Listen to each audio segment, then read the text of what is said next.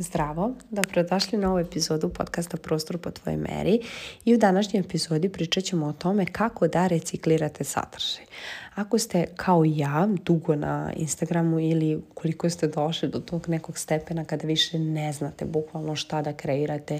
ne možete više da izmišljate toplu vodu, jednostavno imate previše objava, a, vreme je za recikliranje. Na šta mislim kada to kažem? Znači postoji nekoliko načina kako možete da reciklirate i ja sam ih podelila kao na tri dela, to jest na tri e, načina i evo delim sa vama koji su to načini.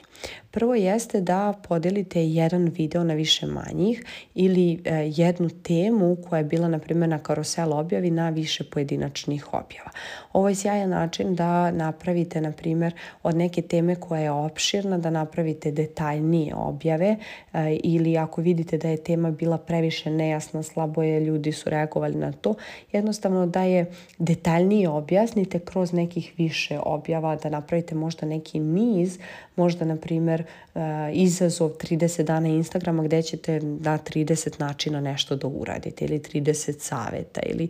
nešto tako da smislite. Sljedeća stvar jeste da razvijete neku temu detaljnije, na primjer e, da e, pogledate statistiku i da vidite koja tema je bila jako popularna, a onda da podelite neke detalje koje ste tada možda zaboravili, koje niko drugi ne spominje i da bukvalno promijenite to jest da napravite više objava od te jedne zbog tog detaljisanja, da kažem. Ako, smo, uh,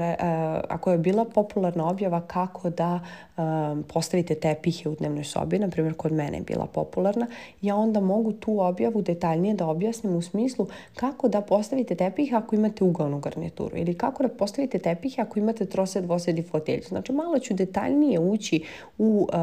tu problematiku, u tu objavu i onda ću je detaljnije objasniti.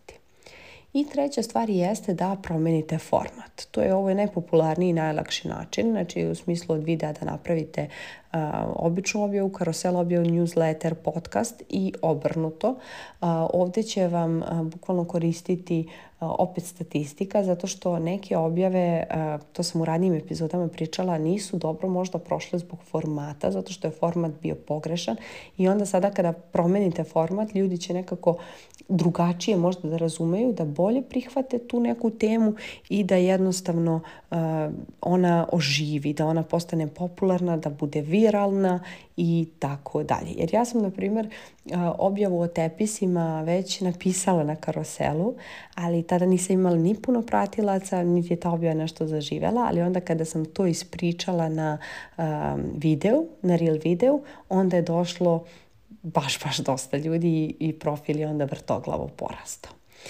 A, eto, to su tri načina kako možete da reciklirate sadržaj ukoliko dođete do, bukvalno do kraja, ne možete, na, pronađete više inspiraciju, ne znate više o čemu biste pričali i to je to što se tiče ove epizode, a mi se čujemo u sledećoj. Ćao!